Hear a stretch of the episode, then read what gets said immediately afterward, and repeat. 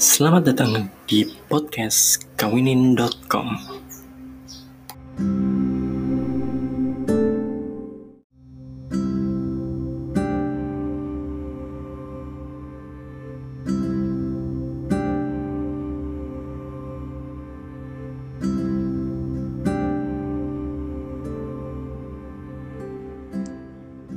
Oke, Assalamualaikum warahmatullahi wabarakatuh Hari ini adalah hari ke-10 sharing sehari 5 menit Dan hari ini saya mau sharing mengenai jodoh itu cerminan, ujian, atau nikmat dari Allah Ya, kenapa judulnya itu?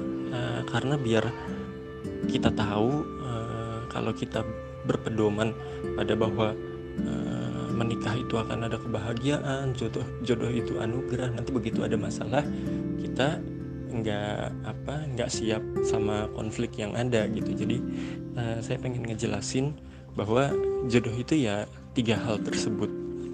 Uh, pertama jodoh adalah cerminan. Jodoh adalah cerminan ya memang jodoh itu adalah uh, gambaran kita seperti apa. Allah sedang ngejelasin uh, laki-laki baik baik uh, untuk wanita baik-baik, wanita baik-baik untuk laki-laki yang baik gitu kan. Nah, uh, dalam hal ini juga kan kita uh, apa dianjurkan untuk mencari jodoh yang sekufu atau yang selevel. Nah, tujuannya apa? Tujuannya adalah untuk meminimalisir konflik uh, kesenjangan sosial, kesenjangan uh, ilmu, pokoknya ada gap yang terlalu jauh itu biasanya akan memunculkan konflik gitu. Nah, uh, jodoh ini cerminan itu merupakan gambaran juga bahwa kebaikan-kebaikan uh, dari jodoh kita, uh, pasangan kita adalah kebaikan kita yang uh, dibayar gitu yang yang diberikan oleh Allah. Keburukan-keburukan pasangan kita pun adalah keburukan kita yang uh, dipasangkanlah oleh Allah uh, kepada pasangan kita. Jadi kalau kita ngerasa ngeluh karena jodoh kita uh, punya keburukan, pasangan kita punya keburukan, ya kita harus bercermin. Kita juga punya keburukan yang uh, mungkin berbeda sama dia. Kebaikan pun, kalau uh, pasangan kita punya kebaikan, ya bisa jadi itu karena kebaikan uh, kita. Wallahu alam. Jadi ya jodoh itu merupakan cerminan uh, sampai mana level kita, itulah jodoh kita. Nah, tapi bisa jadi juga yang kedua jodoh itu adalah ujian. Karena juga nggak nggak sedikit uh, orang yang pasangannya itu uh, ada gap yang jauh. Misalnya uh, gap antara ilmu agamanya. Ada yang benar-benar ilmu agamanya kuat ada yang ilmu agamanya masih sangat kurang. Uh, ini kan bisa bisa muncul gap. Muncul gapnya tuh dari mana dari kebiasaan-kebiasaan dari kepercayaan yang uh, apa uh, ideologi-ideologi yang dianut sama dia gitu.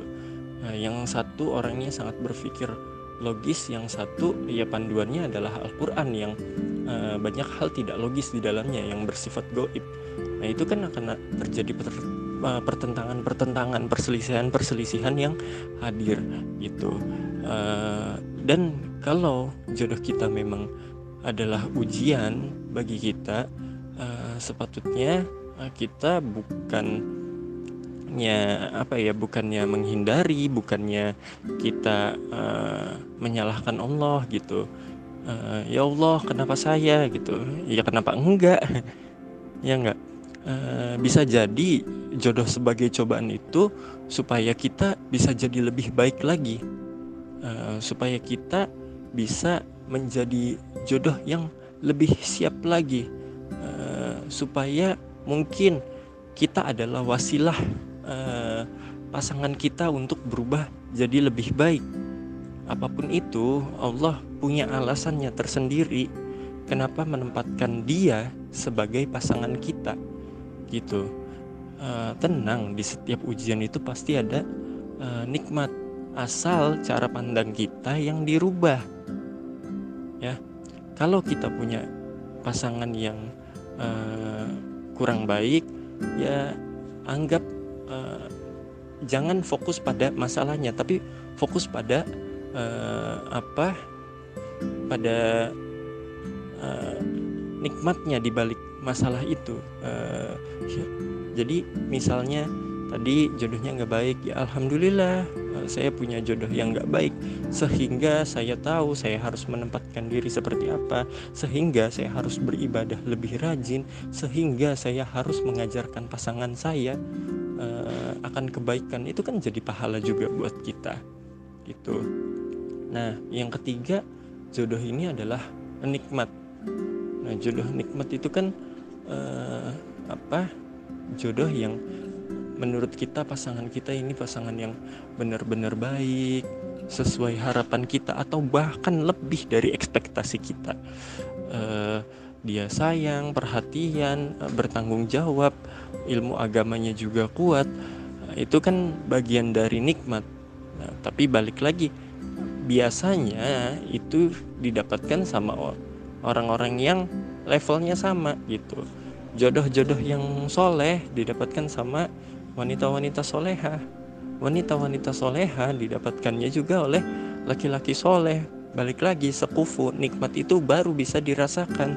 Tapi kayak tadi kalau misalnya ada gap antara ilmu agamanya itu kan bisa muncul konflik. Misalnya ini ada perempuan uh, wanita nih baru hijrah tapi dia belum terbiasa sama uh, sama ibadah-ibadah sunnah tiba-tiba dapatlah dia uh, jodoh atau pasangan suami yang benar-benar soleh.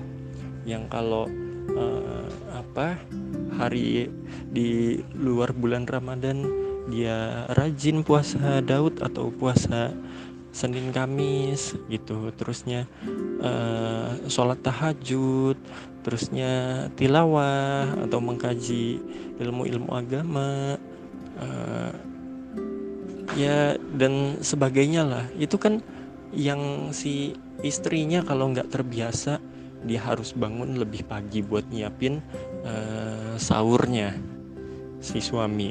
Terusnya uh, mungkin sebelum sahur sholat tahajud dulu.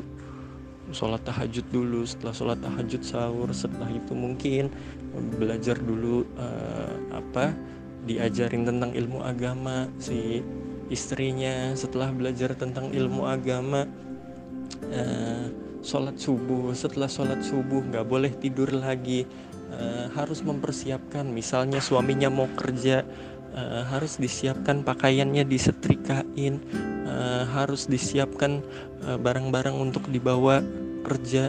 Setelah itu suaminya berangkat kerja suaminya ngingetin jangan lupa sholat duha. Setelah sholat duha uh, karena puasa juga harus bebenah rumah capek. Harus nyiapin buat buka puasa juga. Belum lagi kalau udah punya anak yang rumahnya berantakan melulu. Itu kan capek banget gitu. Terus uh, misalnya setelah buka puasa uh, apa harus ngelayanin suaminya dulu makan apa uh, kopinya air hangat buat mandinya misalnya atau uh, harus melayani syahwat suaminya uh, setelah itu baru bisa tidur. Susah banget waktu tidurnya misalnya. Itu kan ya karena kita nggak terbiasa gitu. Nah itu karena perbedaan uh, apa gap yang besar kan antara keduanya gitu. Jadi ya memang jodoh itu cerminan kita jodoh itu bisa jadi ujian kita jodoh itu bisa juga jadi nikmat buat kita. Tapi yang paling penting adalah jodoh itu uh, adalah bagian dari kita. Kita baik Allah sediakan jodoh yang baik. Kalau kita baik Allah sediakan uh, jodoh yang kurang baik artinya kita harus berbuat lebih baik lagi agar jodoh kita jadi lebih baik itu aja dari saya. Terima kasih. Mohon maaf kalau ada kesalahan. Wabillahi taufiq wal hidayah. Wassalamualaikum warahmatullahi wabarakatuh